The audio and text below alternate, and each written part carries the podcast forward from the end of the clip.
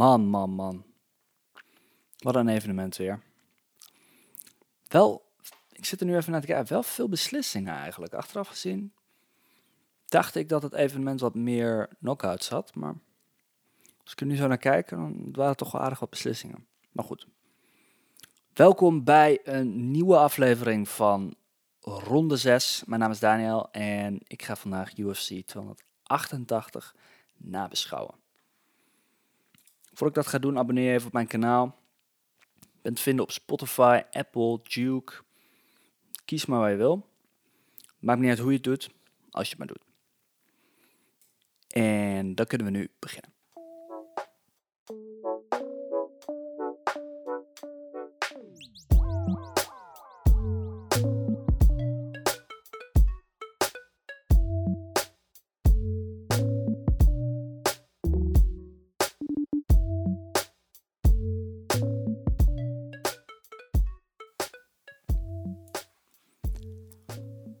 Oké, ik ga beginnen met het laatste gevecht van avond. Meteen het belangrijkste gevecht van de avond, denk ik. Mm, Sterling verslaat Henry Cejudo middels een gesplitte beslissing van de jury. De ronde ging vijf. Er waren natuurlijk vijf rondes ging voor het bantamgewicht kampioenschap. Mm, het, was een, het evenement speelde zich natuurlijk af in New Jersey. Dat is eigenlijk een beetje de thuishaven van Aljamain Sterling. Het was ook een beetje de bedoeling dat het, dat werd ook opgebouwd alsof ja, de kampioen zijn titel ging verdedigen in de, zijn eigen thuishaven natuurlijk. Maar gek genoeg was het publiek daar, ja, die dacht er helemaal niet zo over. Ze waren meer aan het juichen voor Cejudo dan voor Sterling. En dat zegt wel wat, denk ik, over Aljamain Sterling en zijn reputatie in de wereld van mixed martial arts. Maar goed, wat is nou precies gebeurd? Want het was echt, echt een mooi gevecht om te zien. Nou heb ik het dus echt verkloot vanochtend trouwens. Dat ga ik ook even zeggen. En dit is dus de fucking het gevaar van Instagram. Want mijn Instagram, kijk, ik volg al die mixed martial arts kanalen, al die vechters om op de hoogte te blijven van het laatste nieuws. Hè? En ik zit in de ochtend, ik zit op het toilet voor nummer 2. En ik pak mijn telefoon erbij, uiteraard, uit verveling. En ik open Instagram en het eerste wat ik zie is Aljamain Sterling die tegenover Sean O'Malley in de kooi stond. Ik dacht, godverdomme, kloot. Ik heb het, ik heb het verkloot. Ik heb het gespoild voor mezelf. Dus daar baal ik echt, echt enorm van.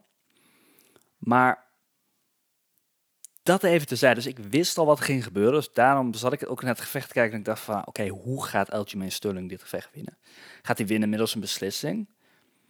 Of gaat hij winnen middels een, een, een, een, submissie? Dus ik dacht bij mezelf van, man, ik zat het elke keer als Aljamain Sterling de rug van Cejudo te pakken had, dan, dan dacht ik echt, oh man, dit gaat het worden. Dit is het moment, dit is moment. Dus ik kijk dan ook echt gelijk op een hele andere manier naar. Dus daar baal ik, eh, daar baal ik echt, echt heel erg van. Vandaar dat ook misschien mijn, ja, dat, dat, dat mijn dat ik van tevoren al een soort bias heb opgebouwd. Hè? Omdat ik dan weet van Sterling gaat winnen. Dus oké, okay, hij zal deze ronde wel gepakt hebben, deze ronde. Dus ik kan hem niet echt scoren met mijn eigen unieke score. Maar goed, dat is eventjes... Dat laat ik even terzijde. Mm.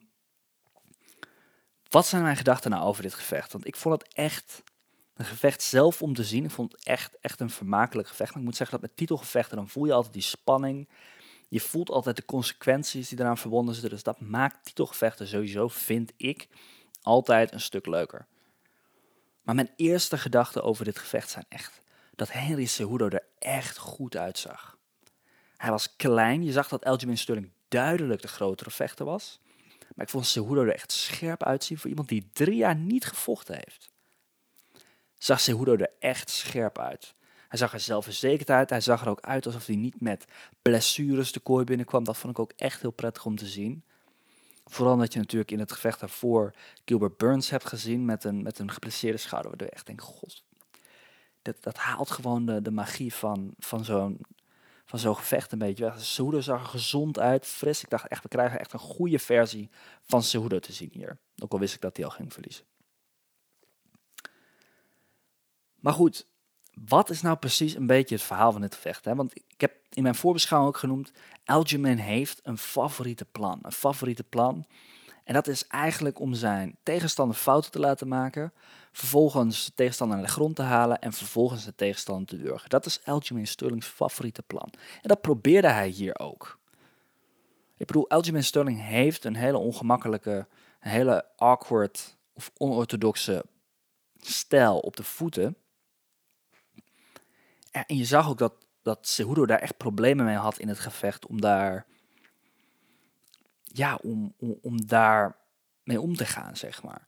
En nou is Cejudo een, fantastisch, een fantastische aanpasser binnen gevechten. Dus had ik het idee dat hij het nog wel zou kunnen uitvogelen als dat zou eh, gaan gebeuren. Maar dat is uiteindelijk niet gebeurd. Ik vond dat Cejudo zich minder goed aanpaste in het gevecht. Hij bleef zich vasthouden aan zijn strategie. En hij zei ook in de persconferentie nadien, zei hij ook dat hij eigenlijk meer, dat hij meer aanpassingen had moeten maken in het gevecht. En dat hij bepaalde dingen niet heeft gedaan die hij wel had moeten doen. En daar ben ik het helemaal mee eens. Ik denk dat Cejudo ook een goede, op een goede manier heeft gereflecteerd op zijn prestatie.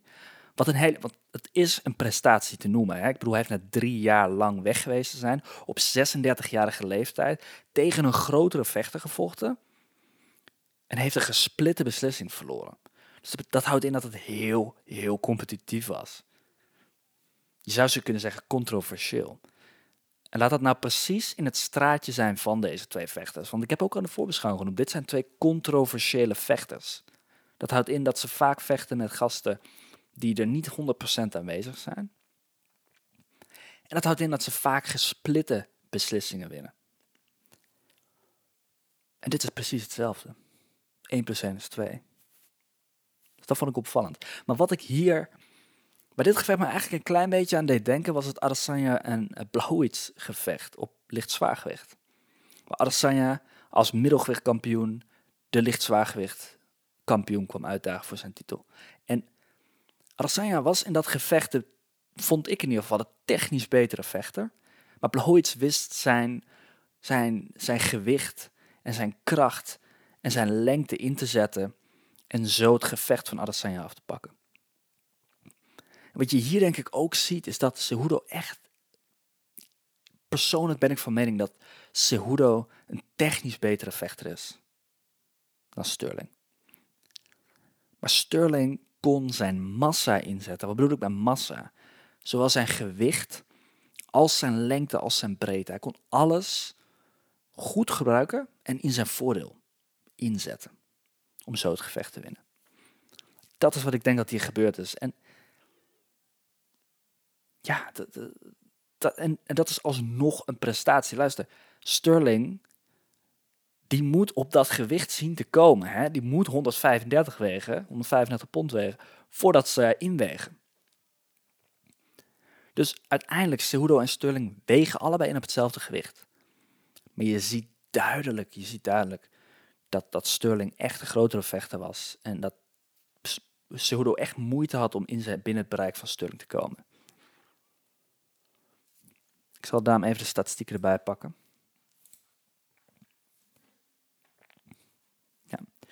Dus als we kijken naar de, naar, de, naar, de, totale statistieken, dan zien we dat Aljamain Sterling 135 stoten heeft geland, Henry Cejudo 99.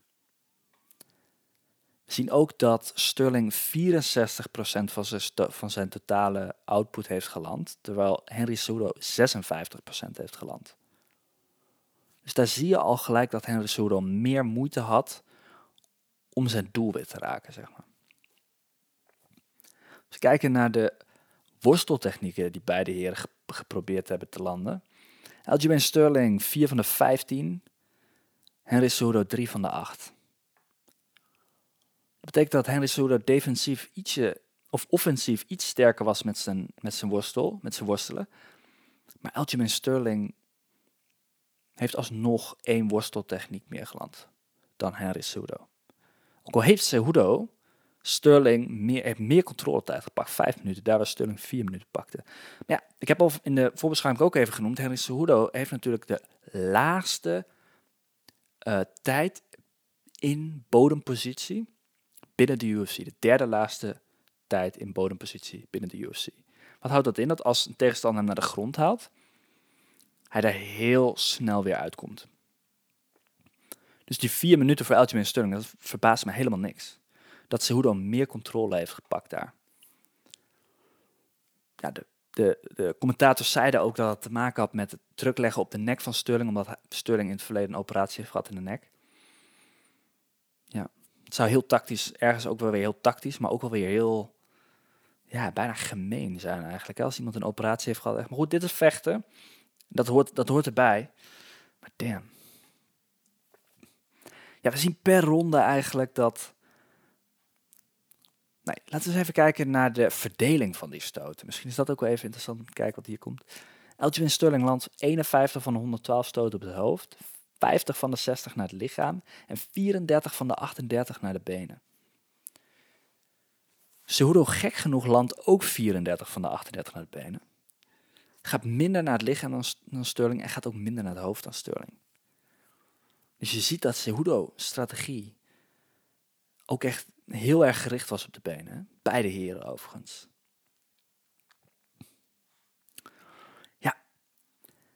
Wat vind ik hier nou van? Ik, moet heel eerlijk zeggen, als ik kijk naar Sterling's overwinning in het verleden, ik heb nooit echt heel erg veel waarde gehecht aan de overwinningen van Sterling. Waarom? Omdat de eerste keer dat oh, Sterling de titel won, was dat middels een disqualificatie van zijn tegenstander, niet omdat Sterling zelf de titel heeft gewonnen. De tweede keer was het een gesplitte beslissing van de jury. Oké, het was een veel betere prestatie tegen Jan, Piotr Jan, maar alsnog een gesplitte beslissing. Dit zijn dingen die een zure nasmaak achterlaten. En daarbij, Piotr Jan had een twee laatste hele, hele goede rondes op het einde. Dus ja, niet, uh, hè, niet super bevredigend. En dan heb je dat gevecht met, met TJ Dillashaw, waar TJ Dillashaw zwaar, zwaar geblesseerd inging. Dus wat doet dit dan voor zijn carrière? Een gesplitte beslissing versus Henry Cejudo? Nou, ik denk persoonlijk heel veel. Henry Cejudo is echt top, top kaliber vechter. Sterling heeft inmiddels, en dat is misschien een beetje onopgemerkt gebleven, maar heeft inmiddels al drie verdedigingen van zijn titel. En hoe, onder welke omstandigheden die ook gewonnen heeft, dat maakt eigenlijk niet uit. Want als je straks terugkijkt naar zijn, naar zijn, naar zijn regeertijd eigenlijk als kampioen, dan zie je gewoon best wel grote namen daar staan. Piotr Jan, TJ Dillashaw, Henry Cejudo. Drie voormalig kampioenen die Sterling heeft overwonnen. Hm? Dus het is zeker een prestatie. Alleen het feit dat hij nog steeds zo gehaat wordt door de fans, dat moet en ik denk persoonlijk dat dat te maken heeft met zijn hele attitude. Hij gaat elke keer als je kijkt naar bijvoorbeeld een interview met Ariel Hawani, voordat hij begon aan het gevecht, begon hij ook gelijk weer met het verdedigen van, oh ik hoor respect te krijgen, dit en dat. Sterling, laat me jou advies geven, ook al weet ik dat, dat hij dit never ever te horen krijgt van mij. En dat dat ook helemaal niks zou interesseren. Wat ik denk dat Sterling moet doen, is gewoon, hij moet het verleden loslaten en hij moet zich focussen op de toekomst. Hij moet zich focussen op wat nog komt. En fans zullen hem altijd een clown emoji sturen. Fans zullen altijd blijven haten op zijn prestaties. Dat is nou eenmaal wat, hoe hij aan de titel gekomen is, dat gaat nooit meer weg. Dit is zijn reputatie nu. En hoe kan hij die reputatie uitwissen? Dat is heel simpel. Door iets te geven aan de fans wat dat die reputatie overschaduwt. En dat zijn overwinningen. Sterke, dominante overwinningen. En als hij zich daarop blijft focussen, dan zal die reputatie uiteindelijk weggaan, dat weet ik zeker. Goed, we zagen dus al wat, er, wat het volgende gevecht voor Aljamain Sterling zou zijn. En dat is versus O'Malley. O'Malley kwam in de kooi. Het werd gelijk een, een, een verhitte situatie. Je zag ook dat O'Malley daarna nog eventjes begon te, te roepen naar een, een teamgenoot van, van Aljamain Sterling, die overigens de jas van O'Malley te pakken had, hem aandeed, op de kooi ging zitten. En O'Malley reageerde erop en zei van, nou, ik dacht dat die gast, uh, dat dat mijn, mijn, mijn, mijn, mijn jassenmannetje was. Dus uh, vandaar dat ik hem even gaf. Goed, je ziet al gelijk dat daar een soort, ja, een soort, ja, een rivaliteit begint te ontstaan. Ik denk zelf dat het nog wel enigszins geforceerd was. Maar we gaan zien hoe dat in de toekomst zich misschien wat meer kan ontbloeien als, als, een, als een iets, ja, als iets meer competitiviteit. Want in het begin, ja, het is natuurlijk heel apart. Twee heren komen ineens tegen elkaar te staan en ineens zijn het vijanden. Dat is natuurlijk nooit zo. Eens dit zo een paar, of paar keer gebeurt en ze elkaar blijven beledigen, et cetera, nou, dan kan er wel iets interessants ontstaan. Dus ik vond dit op zich wel een, leuke opbouw voor mogelijk, een mogelijk verhitte rivaliteit tussen de twee. Dus op het moment dat die twee gasten gaan vechten, dan ga ik het uiteraard uh, voorbeschouwen. En dat wordt een interessant voorbeschouwen, want O'Malley geeft Aljamain Sterling problemen op de voeten. Meer dan Cejudo vanavond of gisteravond heeft voor elkaar heeft gekregen. Wat gebeurt er dan met Cejudo? Cejudo heeft gezegd van, joh, dit is een rare, dit is een rare. Hij heeft gezegd, als ik zou winnen dan was het pad voor mij echt heel duidelijk. Als ik zou dominant zou verliezen, dan zou mijn pad ook heel duidelijk zijn. En dat was pensioen. Maar nu is het zo'n. Het is zo'n dilemma voor hem. En hij zei in de, post, in, in, de persconferentie, zei hij ook. Ja, ik, ik, ik voel me hier eigenlijk gewoon een beetje gek over. En ik, ik kan me dat heel goed voorstellen, want het punt is. Dit gevecht heeft voor mij niet laten zien dat Cejudo niks meer in zijn massa heeft. Dat hij niet weer kampioen kan worden. Sterker nog, ik denk onder de juiste omstandigheden, de goede, goede matchups, interessante matchups, iets kleinere gasten misschien, die het bereik uh, minder goed kunnen benutten. Hè? Bijvoorbeeld Merab de Valishvili. Dat zouden interessante gevechten kunnen zijn voor Cejudo, die hem weer een kans geven op de titel. hij heeft het ook gehad over de vedergewichtdivisie. Als hij nog een divisie omhoog zou willen gaan, dan denk ik dat dat... Ik denk dat dat wel eerlijk gezegd wel een hele lastige opgave gaat worden. Want als hij al moeite heeft met lange gasten in de bandengewichtdivisie, dan denk ik dat lange gasten in de vedergewichtdivisie hem nog veel meer problemen gaan geven. Maar goed, ik heb in het verleden geleerd, Cejudo is niet iemand die je kan uitsluiten. En daarom wordt het interessant te zien wat zijn nieuwe pad is. Maar ik zou zeggen, Henry Cejudo versus Merab Dvalishvili. En de winnaar vecht tegen de winnaar van Aljamain versus O'Malley. Oké. Dan sluit ik daar even mee af en dan ga ik naar het ene laatste gevecht van de avond. Pak ik dat er even bij. Waarbij Belal Mohammed wint van Gilbert Burns middels een gesplitte beslissing.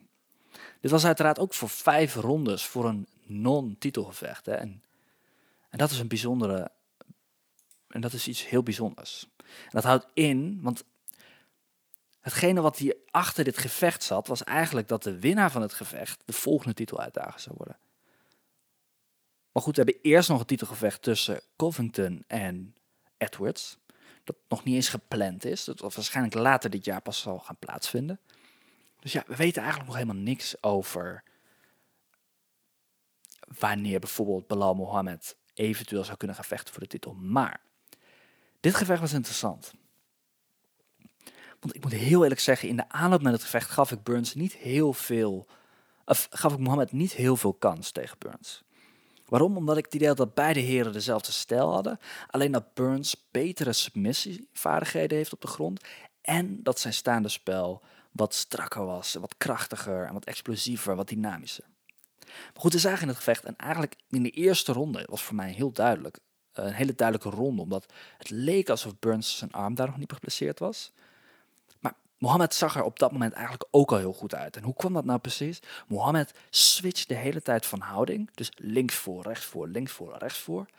En op die manier heeft hij heel veel succes behaald met het landen van stoten en trappen.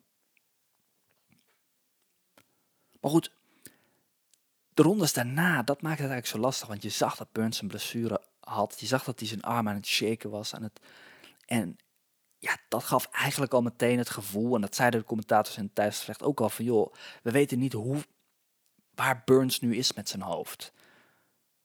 En dat maakt het gewoon heel lastig om daarna nog verder te kijken naar, naar het gevecht. En ja, kijkend met de ogen van, oh, Mohammed is echt een fantastische prestatie aan het neerzetten, wetend dat Burns maar één arm heeft.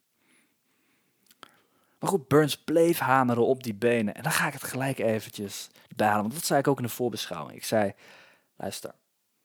Bilal Mohammed verdedigt beentrappen nauwelijks. Nauwelijks. Dus laten we eens even kijken naar de statistieken. Beentrappen. Bilal Mohammed, één van de enige land. Gilbert Burns, 33 van de 35. Als Bilal Mohammed gaat vechten versus Edwards, dan moet hij dit probleem adresseren. Want Edwards, die trapt je been aan gort als je ze niet verdedigt. En Bilal Mohammed heeft in het verleden nog niet aangewezen, aangetoond dat hij beentrappen verdedigt. Want ik heb ook al gezegd in de voorbeschouwing, joh, luister, Edwards in hun vorige gevecht. Even kijken. Edwards in het vorige gevecht landde ook vier van de vier beentrappen. Dus die heeft ook een 100% succesratio in dat gevecht behaald met beentrappen. Dus geloof mij maar dat dat een onderdeel gaat zijn van Edwards zijn, zijn plan op het moment dat hij tegenover Bilal Mohammed in de kooi staat. Dat kan ik je garanderen. Maar Bilal Mohammed zag er in het gevecht strakker uit. Ik moet zeggen, en dat is ook het punt, Bilal Mohammed in het gevecht met Tom, uh, Tom Brady. Sean Brady, daar zag hij de, zijn staande spel zag er gewoon wat stijfjes en wat, wat, onontwikkeld uit. En in dit gevecht vond ik het er veel scherper uitzien. Er zat kracht en intentie achter zijn stoten. En dat vond ik heel mooi om te zien. Bilal Mohammed heeft mij echt overtuigd dat hij eventueel de volgende uitdaging zou kunnen zijn. En het punt is, als we ook even naar Bilal Mohammed zijn statistiek kijken. De laatste vijf keer dat hij heeft gevochten, heeft hij gewonnen van Damien Maya, Steven Thompson, Vincente Luque, Sean Brady en Gilbert Burns. Dit zijn grote, grote namen in de weltergewichtdivisie. Dus hij heeft absoluut, absoluut een kans verdiend op de titel. Oké. Ja, Burns, wat, ja, wat, wat kunnen we daar nou mee doen? Burns is echt een fantastische vechter in de weltergewichtdivisie. Maar ik denk persoonlijk niet dat een titelgevecht er voor hem nog in zit. Burns is 36 jaar. En hij heeft veel gevochten dit jaar. En ik denk dat dat een van de problemen is geweest in de aanloop naar het gevecht. Is dat hij zijn lichaam te veel vermoeid heeft. En op het moment dat je lichaam te veel vermoeid is, ja, dan heb je meer kan, grotere kans op blessures. Ik weet niet wat er in de eerste ronde is gebeurd. Misschien was het, die, misschien was het het worstelen wat ervoor gezorgd heeft. Maar het kan ook zijn dat er in het trainingskamp in aanloop naar het gevecht al wat gebeurd is. Want je hoorde Henry Hoofd ook in de, in de hoek zeggen. Je weet wat er aan de hand is, hè? Dus ze waren al op de hoogte van iets. Dat lijkt mij in ieder geval. Wat denk ik dat Burns moet doen? Hij kan opnieuw opstormend, aanstormend talent uitschakelen en proberen zichzelf weer naar de titel te vechten. Maar als ik heel eerlijk moet zijn, denk ik dat iets als een andere promotie nog best wel een goede optie zou kunnen zijn voor Burns. Burns is heel goed. En ik denk dat hij mogelijk een titel binnen een andere promotie zou kunnen pakken. En dat hij daar ook meer geld zou kunnen verdienen. Dus ik wens hem heel veel succes. Oké, dan ga ik door naar de andere gevechten op UFC 288. Ik ga het even wat korter doen. Je hebt Shannon versus Andrade. Shannon heeft Andrade uitgeschakeld in de eerste ronde middels, ja, middels een knockout. Die zag ik niet aankomen. Jessica Andrade is normaal gesproken een hele krachtige, een hele sterke vechter. Zij schakelt normaal gesproken haar tegenstanders uit. Yan Xiaonan, en dat is wel grappig trouwens, want Yan Xiaonan, even haar record erbij, uh, haar Wikipedia pagina erbij pakken hoor, een mondje. Xiaonan. Boom. Als je kijkt naar Yan Xiaonan's cv. Ja, je ziet, voordat ze UFC in kwam, schakelde ze al haar tegenstanders uit. Nou, toen kwam ze dus in de UFC. Beslissing, beslissing, beslissing, beslissing, beslissing. De ene na de andere beslissing. Dit is haar eerste knockout binnen de UFC. en de eerste die ze knock-out is Jessica Andrade. Nou, dat is een hele prestatie. Dus Jan Chernan, voor de korte tijd dat ze in de kooi stond, zag ze er echt goed uit. En ik denk dat zij mogelijk een nieuwe uitdager zou kunnen zijn voor de titel. En dat is grappig, want Zhang Weili is de kampioen. Dus als de twee dames bereid zijn om elkaar te bevechten, dan zal dat gevecht mogelijk plaatsvinden in Amerika. Maar goed, gezien de situatie in China op dit moment, weet ik niet of dat een mogelijkheid is überhaupt. Dan hebben we Mosfar Evloev, die wint van Diego Lopez in een, met de beslissing. Hier ga ik al eventjes de tijd nemen om mijn fout toe te geven. In mijn voorspelling voor Fight of the Night heb ik voorspeld dat het gevecht tussen Kron Gracie en Charles Jourdain de Fight of the Night zou worden. Ik kon hier niet meer naast zitten. Maar had ik verwacht dat, Mof, dat Mofsar en Diego Lopez, dat dat de Fight of the Night zou worden? No way. Nope, nope. Dat had ik niet gedacht. A, Mofsar Evloev was stond eigenlijk gepland om te vechten met Bryce Mitchell. Dus dat gevecht met Diego Lopez stond helemaal niet op de planning.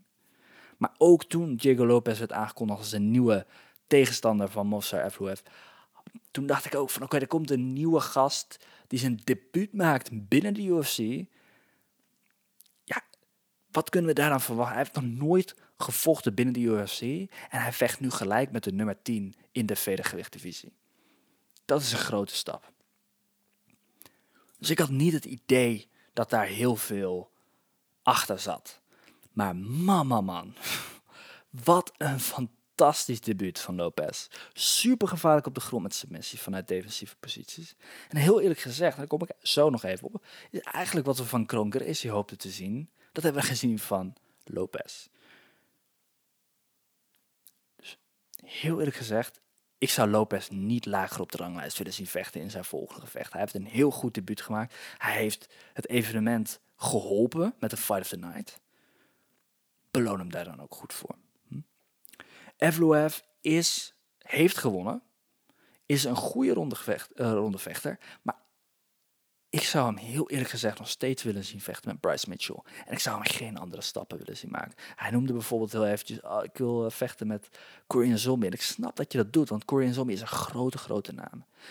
Maar goed, die zal mogelijk vechten met Holloway. Dus ik denk niet dat dat gevecht plaats gaat vinden. Maar man, dit gevecht was spannend tot het einde. Op het einde zat er nog een knieklem. Had Lopez een knieklem van Evloev. En als hij dat eerder had gekregen, had dat mogelijk het einde kunnen zijn. Maar Evloev dacht nu, ik ga het even uitzitten. En dat komt goed. En hij won. Fantastisch, fantastisch gevecht. Nou, dan hebben we Gracie versus Jordan. Ik ga heel kort zijn. Wat een blunder. Op papier leek het een leuk gevecht, maar Crow Gracie heeft de afgelopen drie jaar niks aan zijn staande spel gedaan. Hij kreeg Jordan niet naar de grond, tenzij hij een nadelige positie opgaf. Ja, en Jourdain had op het einde daar ook gewoon geen oren meer naar. En het was gewoon, het was zo'n passief gevecht vanuit Kroon Gracie. Maar goed, Jourdain zag er niet uit als een, als een absolute killer. En ik moet heel eerlijk zeggen, het is een mooie, een mooie winst. Want je moet heel voorzichtig zijn met iemand als Kroon Gracie. Want een submissie kan zo plaatsvinden. Maar dit was echt dit was echt een saai gevecht om te zien. Vooral na een gevecht als Dober versus Frevola. Man, dit is het ding met die, met die Muay Thai vechters, man. Echt, als die naar het lichaam gaan, dan hoor je die stoot nog in Thailand nagalmen, kan ik je zeggen. Even kijken, wat hebben we hier? Ik ga het even officieel aankondigen. Drew, of Matt Frevola schakelt Drew Dober uit in de eerste ronde op 4 minuten 8. Wint daarmee waarschijnlijk een plekje in de ranglijst in de lichtgewichtdivisie. Dit was echt, echt een goede prestatie. Drew Dober heeft een goede, goede kin normaal gesproken. Maar Frevola had daar scheid aan en heeft hem compleet uitschakeld. Frevola zag er dus heel scherp uit. Die Superman stoot zag er trouwens ook echt fantastisch uit. Ja, en het was gewoon al een indrukwekkende overwinning. Ik hoop dat het volgende gevecht van uh, Frevola uh, is tegen Brad Riddell. Brad Riddell vecht natuurlijk uit Nieuw-Zeeland, is ook een Thai-boxer. Dus dat, dat maakt gewoon een fantastisch mooi gevecht. Oké. Ik ga daarmee mijn gedachten over het evenement afsluiten. Mooi op een half uurtje gehouden. Ik vond het eigenlijk gewoon een heel leuk gevecht. Het evenement had geen hele grote namen als in supersterren in hoge, uh, in hoge divisies. Maar goed, Henry Cejudo is, is best wel een grote naam. En, en, ik vond het echt, echt, echt een leuk, een leuk evenement. Veel talent. Veel beslissingen, maar het waren nog alsnog leuke gevechten om te zien. En daarom heb ik niet zo'n heel veel problemen, niet heel veel problemen met die beslissing. Nou. Tot slot, uh, shout-out naar MMA Media voor het stellen van moeilijke vragen aan Dana White in de persconferentie. En dat was het voor mij. Ik ga ermee stoppen. De UFC 289 voorbeschouwing komt eraan. Die zal ik uploaden de week voor, de maandag voor het gevecht om 6 uur, zoals jullie gewend zijn. Tot dan en ja, fijne avond.